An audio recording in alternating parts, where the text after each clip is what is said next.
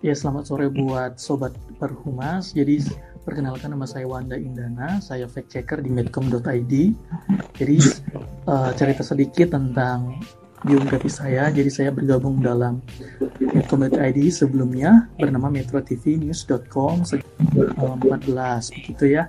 Saya di sana memulai karir sebagai reporter, reporter online untuk pembuatan artikel berita untuk beberapa isu dari isu politik, ekonomi, hukum, kriminal, dan sebagainya begitu ya. Jadi sampai akhirnya saat ini saya diberi kepercayaan untuk memegang kanal atau rubrik namanya saat ini nam di Beckham.id itu cek fakta gitu ya. Nah, sendiri saya itu bertugas untuk mengatur uh, produksi konten cek fakta, artikel cek fakta, nah, dan ini adalah untuk memeriksa, men-tracking informasi hoax atau berita palsu, dengan ujaran-ujaran kebencian yang uh, berseliweran di lingkungan digital kita, jadi di ruang kita, begitu benar. Jadi uh, apa sih mas sebenarnya peran cek fakta sendiri di medcom.id itu? Nah, memang jadi peran medcom.id ini adalah uh, ikhtiar gitu dalam ikhtiar dalam turut ambil bagian dalam memberantas informasi hoax yang berseliweran di uh, di internet di media sosial begitu ya. Karena hoax ini bukan barang bau, baru gitu ya. Jadi sebenarnya hoax ini itu sudah lama terjadi dan kita baru aware ketika in, penetrasi internet kita uh, tahun ini saja ada beberapa data menunjukkan bahwasannya uh, pengguna aktif internet kita itu ada sekitar 196,7 juta internet. Nah, memang ini punya bisa dibilang sebagai keunggulan, tapi seperti dua dua sisi mata uang. Pengguna internet uh, di sisi lain gitu ya, mereka di era banjir informasi seperti saat ini itu akan susah untuk menerima atau memfilter setiap informasi yang kita terima. Uh, kita kita sering dengar uh, beberapa tahun belakangan kita itu sempat di uh, apa ya membuat kondisi kita semakin panas dengan isu-isu yang memecah belah gitu ya. Isu ini yaitu dengan beredarnya hoax gitu misalnya kayak isu politik yang beberapa waktu yang lalu gitu ya dan sekarang kita sedang dalam pandemi gitu ya Mbak ya. Dan pemerintah di sisi lain itu dalam uh, menggenjot program vaksinasi nasional. Dan di si, di di sisi lain penyebaran hoax juga meningkat di di masa pandemi seperti saat ini gitu. Nah kanal cepat kami ID uh, uh, hingga saat ini terus me, me, apa ya berkontribusi dalam memberikan artikel verifikasi terhadap berita palsu atau hoax begitu mbak. Hmm, iya mas. Nah ini kan sekarang banyak banget nih mas berita-berita yang beredar mengenai vaksin di Indonesia kayak vaksin menyebabkan kemandulan, oh, vaksin dapat mengubah DNA manusia, dan masih banyak banget nih mas berita-berita yang berseliweran di media sosial yang membuat masyarakat itu enggan untuk divaksin. Nah mas, uh, aku pengen tahu nih, gimana sih mas cara tim cek fakta Medcom.id ini untuk menelusuri berita-berita hoax tersebut dan meluruskan berita-berita yang simpang siur? Benar sekali Mbak Dumina. Jadi ini memang uh, belakangan memang banyak hoax terkait isu vaksin yang sedang sedang digencarkan oleh pemerintah saat ini ya. Jadi uh, dalam untuk kita di sisi kita sendiri proses cek fakta itu dilakukan berdasarkan klaim yang uh, klaim dari setiap informasi yang kita terima gitu ya, ter, ya setiap informasi yang terindikasi hoax. Nah, bagaimana kita bisa menemukan hoax? Yaitu pertama kita punya tim yang melakukan patroli di media sosial kita ada timnya khusus untuk melacak eh, informasi-informasi yang terindikasi hoax misalnya yang disebutkan oleh Mbak Demina tadi yaitu misalnya yeah. ada isu vaksin uh, vaksin tertentu mendap, uh, dapat memberikan efek samping yaitu kemandulan bagi perempuan gitu ya bagi wanita. Kemudian selain kita melakukan tracking hoax kita juga uh, menerima aduan dari masyarakat. Ya kita juga menerima aduan konten hoax dari masyarakat yang bisa disampaikan ke WA center kami di nomor 082 113322 Jadi masyarakat juga sebenarnya tanggung jawab untuk meredam penyebaran hoax ini. Tidak hanya berada di uh, peran media saja tapi juga membutuhkan peran dari masyarakat begitu ya. Lalu kemudian pertanyaan kemudian bagaimana kita bisa meluruskan setiap informasi yeah. terindikasi hoax. Nah jadi uh, proses cepakta kita uh, semuanya uh, memiliki standar pemeriksaan internasional yaitu mengacu pada sebuah first draft yaitu first draft itu uh, sebuah apa yang institusi nirlaba yang membantu jurnalis, peneliti dan siapa pun itu yang uh, memiliki tujuan atau misi memberantas hoax. Jadi sebenarnya itu dalam uh, dalam tanda ya, dalam sistem kerja kami hoax itu terbagi menjadi tujuh bentuk. Jadi hoax itu nggak sesederhana yang kita lihat gitu. Jadi di proses di balik layar itu sangat susah ya, untuk mem mengklarifikasi berita hoax karena sedikit ini ya pengetahuan jadi hoax itu menyebar umumnya menyebar melalui tiga bentuk yaitu narasi bentuk narasi foto dan video dan masing-masing itu memiliki uh, uh, metode klarifikasi yang berbeda-beda. Nah, bagaimana kita mengklarifikasi itu kita juga ada uh, komunitasnya sendiri kalau di net.id gitu. Nanti kalau kita bahas ini akan akan panjang. Tapi begitu proses kita bagaimana menemukan, menelusuri dan meluruskan setiap informasi terindikasi hoax. Nah, uh, mau ngingetin dulu buat penonton, uh, Sobat Humas, buat kalau misalnya ada pertanyaan, boleh langsung uh, di komen di comment section atau mungkin ada comment box, uh, question boxnya, boleh banget. Nah, aku mau nanya lagi nih, Mas, itu uh, tujuh jenis hoax itu apa aja sih, Mas? Yang Mas sebut tadi kan ada tujuh jenis hoax, itu apa aja sih, Mas? Ya, jadi sebenarnya ya itu tadi ya, jadi uh, ben tujuh bentuk hoax ini itu uh, beredar yang beredar melalui media sosial itu ada tujuh jenis. Pertama itu satir atau parodi gitu ya. Jadi ini sebenarnya pembuat kontennya ini tidak ada niat jahat. Namun uh, dapat mengecoh begitu ya. Kemudian uh, nah uh, kemudian ada misleading content. Nah misleading content ini adalah sebuah konten yang uh, disajikan dengan uh, apa ya dengan mengambil atau memanfaatkan sumber resmi. Bisa bentuk statistik, data atau pernyataan toko berpengaruh. Namun di diselintir gitu mbak jelekan seseorang atau institusi tertentu gitu. Kemudian ada hoax lagi namanya imposter content. Imposter content ini adalah konten tiruan. Konten turan itu jadi uh, mencatut nama orang besar pejabat publik atau orang berpengaruh. Misalnya gini dia Jokowi bilang uh, ada uh, pejabat tertentu misalnya lah mengatakan vaksin uh, COVID-19 uh, mengandung unsur-unsur bagi misalnya seperti itu. Mm-hmm. katakan seperti itu. Nah jadi kalau kita pelajari kita uh, verifikasi ternyata pejabat yang dicatut namanya tidak pernah mengatakan atau mengeluarkan statement yang, yang demikian yang dituduhkan. Itu namanya hoax imposter content.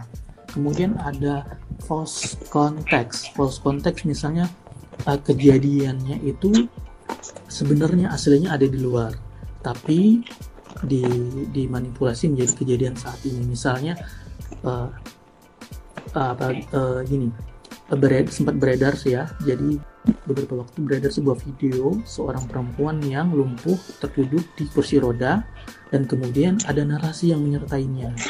Nah video ini beredar di media sosial ya. Jadi narasinya berseperti ini. Uh, ini uh, perempuan ini uh, mengalami kelumpuhan uh, setelah uh, mengalami kelumpuhan di suatu wilayah di Indonesia begitu ya mbak Nah, jadi setelah kita verifikasi, kita cari sumber aslinya ternyata video itu berasal dari uh, di negara luar gitu dan video hmm. muncul jauh sebelum pandemi COVID-19. Jadi sebenarnya kalau kita jadi sebenarnya itu tidak ada hubungan dengan pandemi COVID-19 karena itu videonya benar videonya asli, cuma narasi yang menyertainya adalah salah. Jadi itu kejadiannya bukan di Indonesia dan videonya adalah video lama. Hmm. Dengan pandemi COVID-19. Jadi kalau tidak salah itu videonya sudah ada tahun 2000 sebelum 2019 2017 hmm. jadi tidak ada hubungannya begitu ya mbak nah kemudian ada false connection. Nah false connection ini hoaxnya modelnya begini. Kalau kita nerima informasi nih ada judul terus isinya apa gitu ya. Baik dari pesan berantai atau artikel daring begitu. Nah biasanya yang false connection ini antara uh, judul dan isi itu tidak match tidak nyambung. Jadi isi artikel artikelnya tentang apa tapi judulnya itu yang uh, salah yang dimanipulasi gitu. Ini false connection. Kemudian ada fabricated fabricated content. Nah fabricated content ini adalah salah satu hoax yang sangat berbah yang paling berbahaya mbak karena 100% uh, eh, tidak tidak akurat. Karena ini konten baru konten yang diproduksi baru tidak benar-benar ngaco banget deh ini. Gitu ya. Jadi memang udah sembarangan aja ini. Nah, itu benar-benar uh, tidak bisa dipercaya gitu ya. Kemudian ada lagi manipulated content. Nah ini manipulated content ini hoax yaitu dengan apa ya uh, manipulated itu mengambil sumber resmi ya sama-sama mengambil resmi namun diedit. Hmm. dimanipulasi diubah data aslinya sehingga membuat masyarakat keliru dalam mengambil kesimpulan begitu uh, uh, bentuk tujuh jenis hoax yang yang yang tujuh jenis hoax yang yang kita iya. Nah Mas ini ada pertanyaan dari Mbak Anggi Mbak Anggi ya. Nah kalau boleh tahu berita hoax tentang vaksin yang sering Mas Wanda temui berita vaksin apa atau mengenai apa? Terima kasih. Baik, uh, jadi uh, teman-teman sobat perhumas juga perlu tahu jadi sebenarnya hoax ini juga bentuknya itu adalah hoax yang sudah lama yang sudah diverifikasi tapi hmm. kembali muncul kembali muncul sebulan kemudian kembali muncul sebulan kemarin sebulan kembali muncul kembali gitu ya jadi sebenarnya uh, kayak misalnya itu uh, ini uh, cairan vaksin yang uh, tidak masuk ke tubuh Jokowi oh, iya. sebenarnya hoax uh, hoax yang sudah lama kembali muncul itu sempat kembali muncul belakangan belakangan waktu ini ya. Nah jadi itu uh, videonya. Videonya benar memperlihatkan Presiden Jokowi dalam proses penyuntikan vaksin ke dalam tubuh. Cuma ini tadi uh, narasi yang menyertainya itu adalah salah di, seperti tuduhan gitu yang tidak terbukti gitu kan. Dan video itu sudah juga diklarifikasi oleh beberapa pejabat teras atau dari dokternya sendiri begitu ya. Nah, kemudian ada lagi ini sempat beredar mengkonsumsi uh, rebusan telur yang putih di tengah malam dapat menghindari COVID pandemi COVID-19 gitu. Jadi mengajak orang untuk ada lagi beberapa uh, hoax yang menyebutkan uh, vaksin yang disun ini yang disuntikan oleh ke tubuh Presiden Jokowi adalah vitamin C gitu ya. Hmm, iya. Yeah. Uh, nah itu, nah itu beberapa bentuk hoax yang kita kita sempat klarifikasi dan berulang kali kita temukan hoax-hoax yang sejenis yang mengarahkan orang untuk tidak mengikuti program vaksinasi.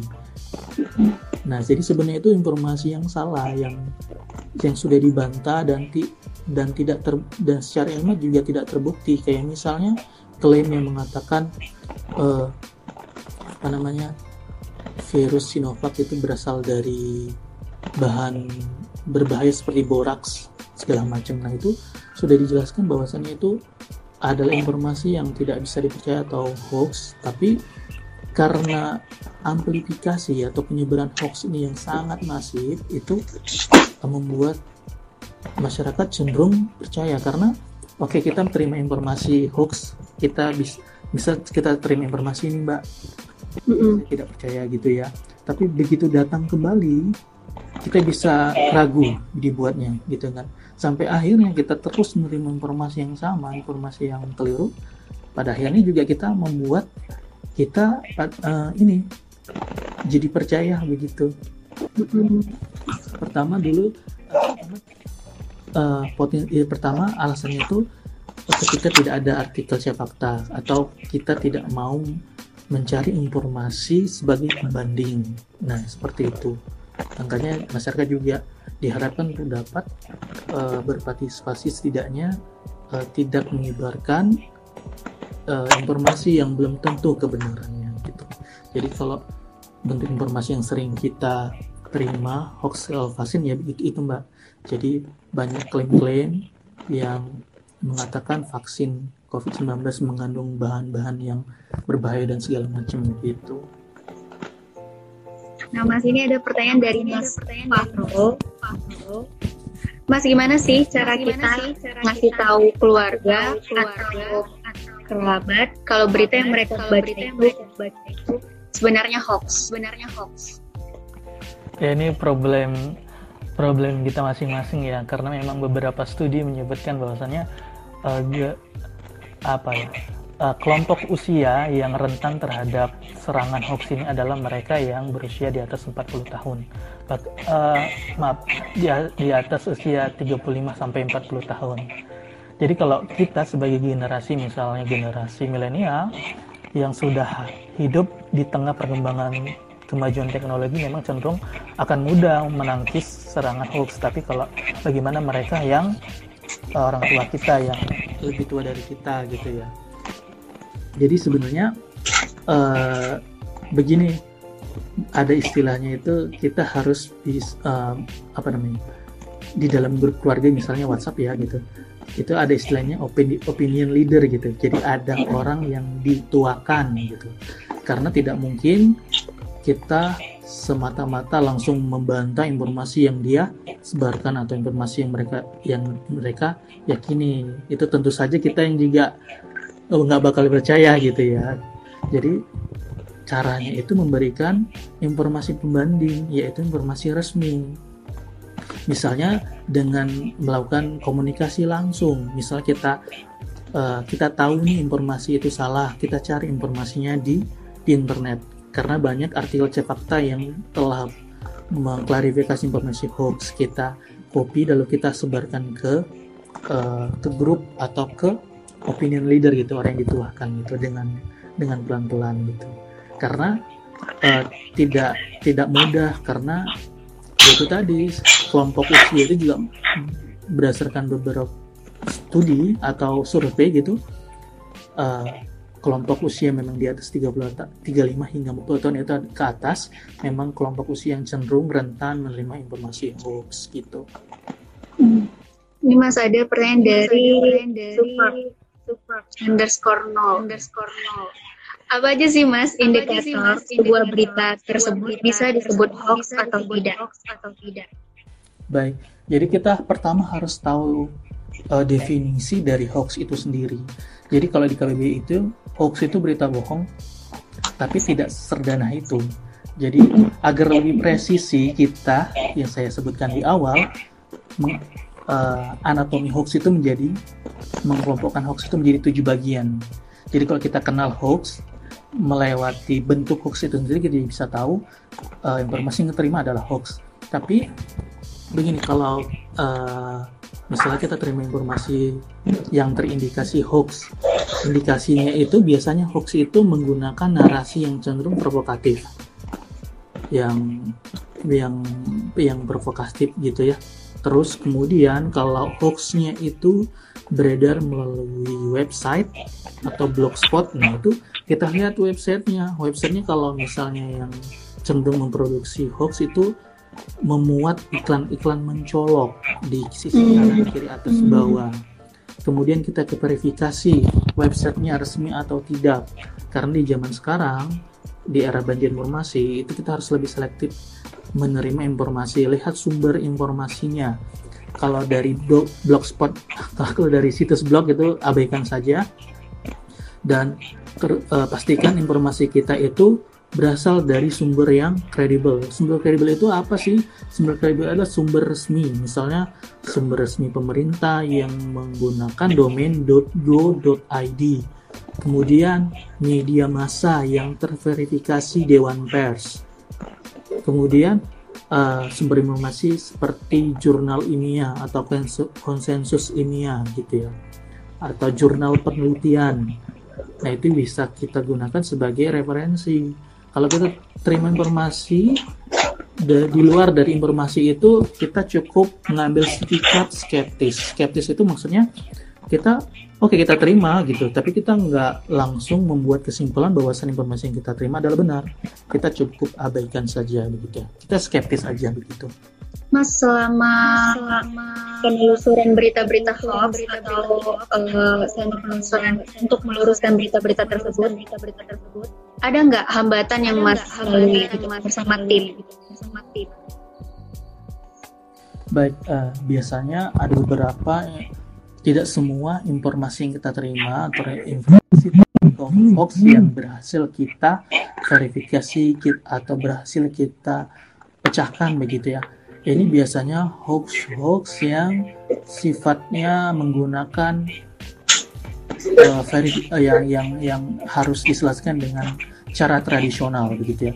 Maksudnya uh, begini, jadi informasi ini harus diverifikasi oleh pihak yang disebutkan atau atau seseorang yang dicatut gitu ya. Misalnya ini yang hmm. ah, jadi kayak misalnya itu hoax yang uh, pejabat pejabat tokoh publik itu yang di yang diisukan menyatakan bahwasanya vaksin COVID-19 bla bla bla. Nah, itu kita harus melakukan verifikasi langsung. Kita tidak bisa menggunakan cara-cara digital begitu ya. Nah, untuk melakukan verifikasi langsung ini kan membutuhkan waktu. Dan kalau misalnya uh, tokoh atau nama yang dicatut itu adalah bukan bukan tokoh publik gitu. Akan sulit mencari uh, orang yang dicatut namanya. Paling begitu tapi itu jarang sekali terjadi mbak. Oh jarang. Oh ah, jarang.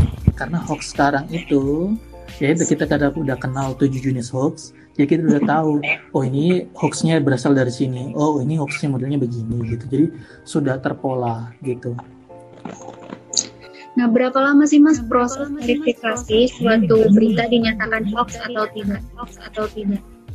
Baik, untuk sampai penarikan kesimpulan terhadap informasi yang kita periksa itu tidak ada waktu durasi waktu gitu ya uh, karena bergantung tingkat kesulitannya. Kalau misalnya hoax yang beredar melalui video, itu akan cenderung akan lebih lama proses uh, verifikasi kebenarannya. Karena itu tadi kita menggunakan tools atau alat bantu untuk memverifikasi, memverifikasi video. Misalnya kita uh, melakukan uh, original source terhadap video. Maksudnya ini kita mencari video identik yang yang lebih panjang. Misalnya hoax itu kan dalam bentuk video cuma cuplikan gitu ya. Dia ngambil sumber asli tapi cuma bagian kecilnya saja yang dia gunakan. Nah kita itu melacak video aslinya yang pastinya uh, durasinya lebih panjang. Nah itu ada caranya gitu kan. Kemudian selain itu juga kita harus mencari publikasi resmi untuk uh, sebagai counter gitu ya sebagai untuk menguatkan bahwasannya video yang kita periksa ini klaim-klaimnya itu adalah salah. Setelah itu kita tambahkan dari uh, pejabat yang terkait gitu misalnya dari kalau terkait COVID kita bisa hubungin uh, Kementerian Kesehatan sebagai narasumber, BPOM dan praktisi kesehatan lainnya, pakar-pakar kesehatan. Jadi kalau hoax yang bentuknya dalam yang menyebar dalam bentuk video itu akan cenderung memakan waktu yang lebih panjang gitu. Kalau foto, kalau teks itu lebih mudah gitu ya. Jadi tergantung bentuk hoaxnya gitu Mbak. Nah menurut Mas Wanda, Mas Wanda, kenapa penyebaran berita-berita hoax kayak berita vaksin ini masih terus terjadi? terus terjadi. Oh iya, oh, jadi jadi pemerintah misalnya ini telah membuat sebenarnya telah membuat pagar hukum gitu ya Mbak. Sampai akhirnya menyetujui lahirnya undang-undang ITE, undang-undang uh, informasi dan transaksi elektronik yang sebenarnya bertujuan untuk membuat kita tidak tidak serampangan dalam atau tidak bijak dalam uh, ber, bersosial media gitu membuat membatasi kita dalam tujuan kebaikan itu tadi ya Mbak namun di sisi lain, masyarakat tidak memanfaatkan uh, media sosial mereka sebagai tujuan baik gitu ya. Jadi beberapa uh, apa namanya pengguna internet juga uh, sering tidak memiliki kemampuan literasi media. Nah, menurut kami, menurut kami ya dari pengalaman kami, bahwasannya faktor utama yang membuat kenapa hoax ini tetap masif be, apa ya, bersirkulasi di ruang digital kita adalah rendahnya tingkat literasi digital atau literasi media kita. Dan uh, ya, jadi di sisi lain uh, faktor pendidikan juga berkorelasi positif terhadap apa ya uh, tingkat melek ini tadi tingkat literasi digital kita. Jadi kalau kita kalau sebenarnya kalau kita menerima informasi hoax kan kita harus tahan dulu kan? Misalnya kita tahu ini terindikasi misalnya mencurigakan kita yang sebagai yang mengetahui kita harusnya dapat menahan. Kita harus dapat istilahnya uh, saring sebelum sharing. Kita harus menyaring informasi sebelum menyebarluaskannya begitu. Ini dari superb ini dari superb. Mas ada nggak cara Mas mudah untuk cara melihat kredibilitas berita nggak? selain dari domain itu, domain, domain web, domain web? Ada. Jadi kalau misalnya kita terima informasi uh, ter, informasi apa pun itu, jadi sebenarnya masyarakat sekarang juga sudah dimudahkan kalau bisa memanfaatkan gadget mereka. Misalnya mereka menemukan uh, informasi apakah benar vaksin COVID-19 mengandung uh, unsur uh, babi misalnya seperti itu. Ya sudah kita memanfaatkan gadget kita, kita ketik, tinggal ketik cek fakta, spasi, klaim yang kita ingin periksa. Misalnya cek fakta COVID, uh, vaksin COVID-19 mengandung babi. Nah, di di kolom pencarian, di indeks pencarian Google atau situs pencari, secara otomatis akan menyajikan artikel artikel-artikel hasil verifikasi uh, informasi hoax yang teman-teman atau masyarakat cari gitu. Itu dengan itu cara mudahnya gitu. Misalnya kalau kita ingin nih saya uh, pengen memeriksa atau melakukan cek fakta secara mandiri itu teman-teman juga bisa uh, apa namanya belajar melakukan cek fakta secara mandiri dengan uh, mengikuti beberapa grup-grup uh, atau komunitas cek. Sekarang di beberapa media arus utama juga memiliki komunitas cek fakta yaitu atau komunitas anti hoax gitu ya. Silakan teman-teman bergabung, uh, pelajari bagaimana mereka bekerja dan melakukan verifikasi dan sebagai dan tips-tips bagaimana secara cepat kita mengetahui informasi apakah informasi yang kita terima adalah hoax atau tidak seperti itu. Nggak terasa nih mas, udah kurang lebih dari 30 menit kita bincang bareng. Kita bincang bareng. Nah terakhir nih mas, ada nggak sih mas saran untuk masyarakat agar mengetahui berita itu hoax atau tidak? Atau tidak? Ya baik, ini sama uh, kurang lebih begini ya. Jadi kalau kita tidak bisa mengetahui informasi yang kita terima hoax atau tidak, sebaiknya di keep kita skeptis dulu. Tapi langkah kemudian bagaimana uh, kalau kita ini kepo, misalnya kita pengen tahu deh ini informasi benar apa enggak gitu, ya udah kita, uh, kita cari di situs peramba atau situs pencari. Di situ teman-teman bisa temukan apa namanya informasi-informasi hasil cek fakta dari dari dari dari informasi yang teman-teman uh, terima begitu. Kalau misalnya belum teman-teman tidak temukan, misalnya hoax ini belum ada media yang memverifikasi gitu teman-teman atau mengadukan informasi terindikasi hoax ke media yang memiliki kanal cek fakta atau ke Kominfo juga bisa atau ke medcom.id juga bisa melalui WA center kami ke 82 seperti itu dan harus bijak bersosial media ya benar, benar. Nah, Nah, buat Sobat Humas, yuk kita dukung program vaksinasi nasional untuk mengembalikan kembali semua sektor yang terdampak. Nah, kalau mau cek fakta tentang vaksin, kalian boleh langsung cek di kanal cek fakta di website medcom.id. Makasih banyak ya Mas sudah meluangkan waktunya untuk perhumas lain kali ini. Kali ini. Sama-sama Mbak. Semoga kita bisa ngobrol-ngobrol lagi Mas nanti di perhumas lain selanjutnya. Baik. Makasih Mas. Makasih Mas.